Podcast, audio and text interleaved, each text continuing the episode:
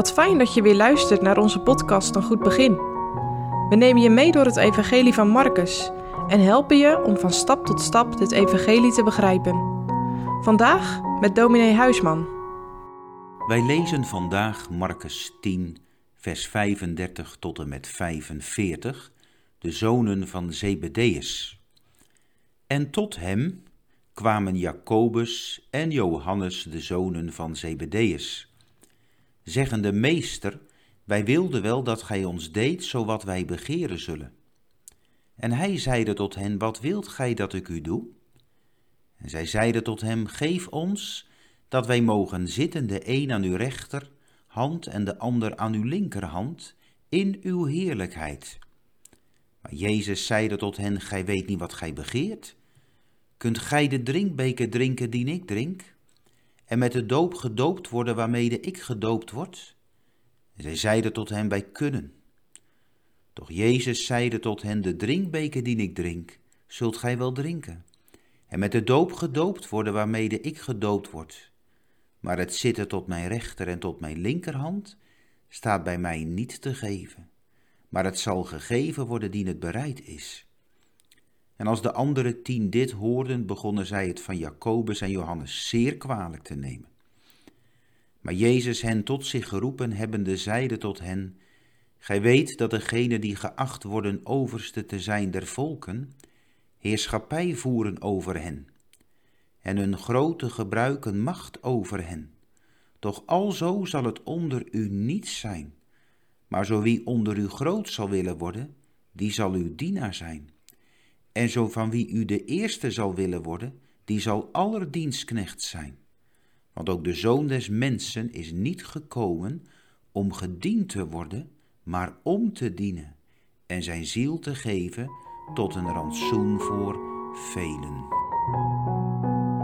Wat zijn wij toch door de zonde hoogmoedige mensen geworden? Mensen die graag vooraan willen staan of boven anderen uit willen blinken. Wat geeft dat vaak een onrust en boosheid, ook in onderlinge verhoudingen en relaties, als de een meer wil zijn dan de ander en voor de ander niet wil onderdoen. Daarvan lezen we ook in Marcus 10. Tien discipelen zijn boos en verontwaardigd over twee andere discipelen, Jacobus en Johannes.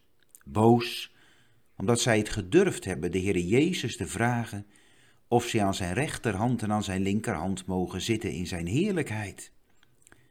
En dat is een plaats van eer en macht. En is het daar niet veel om te doen in het dagelijks leven?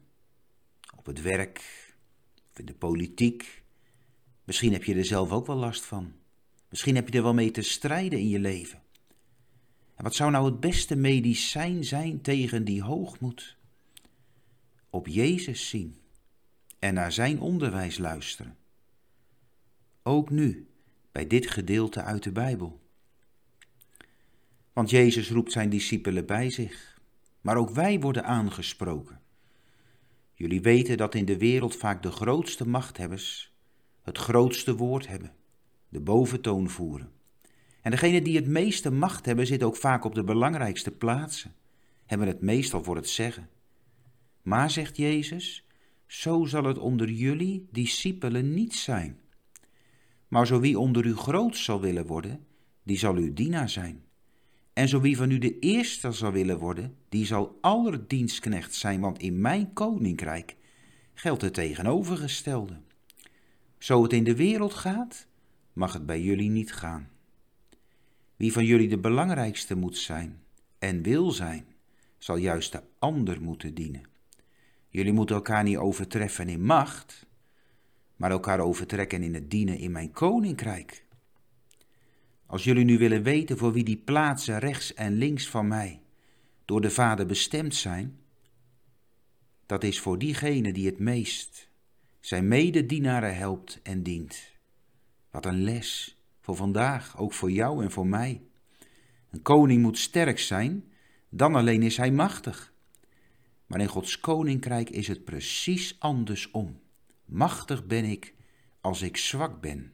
Machtig ben ik als ik een ander dien. Het echt discipel zijn van Jezus bestaat uit dienen. mogen we er iets van uitstralen in ons dagelijks leven. Gods genade maakt klein en nederig. En dan is het ook niet moeilijk om de minste te zijn, om jezelf te verloochenen ten dienste van een ander. En om zijn onderwijs kracht bij te zetten, wijst Jezus op zichzelf.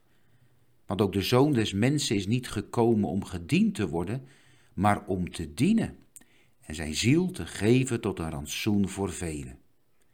Eerst gaat Jezus zeggen waartoe hij niet gekomen is, namelijk om gediend te worden. Als beloofde Messias en koning is Jezus zeer groot en meer dan welke discipel dan ook. Maar hij is echter naar de aarde gekomen om dienaar te zijn voor mensen die hulpeloos en reddeloos zijn. Om door zijn dienen zondaren te redden van de dood. Waar aardse onderdanen soms hun leven geven voor de koning, geeft deze koning zijn leven, zijn ziel, voor zijn onderdanen. Zo wilde Jezus dienen tot eer van zijn Vader en tot zaligheid van zondaren. En er is maar één woord wat dat dienen verklaart: liefde. Gods liefde tot verloren zondaren. Alles. Zijn leven heeft Jezus gegeven tot een rantsoen voor velen. Jezus vraagt niet van zijn discipelen of van ons om ons leven te geven voor een ander. Dat kan niet. Maar hij wil wel dat wij zijn beeld vertonen in het dienen van een ander. Wie achter mij wil komen, verloochenen zichzelf. Wat een opdracht, nooit te volbrengen in eigen kracht. Alleen door genade zijn wij verlegen ook om die genade, om te mogen dienen. Ik heb eigenlijk twee vragen voor jullie. Begrijp je de reactie van de tien discipelen? Maar begrijp je ook met je hart wat Jezus zegt?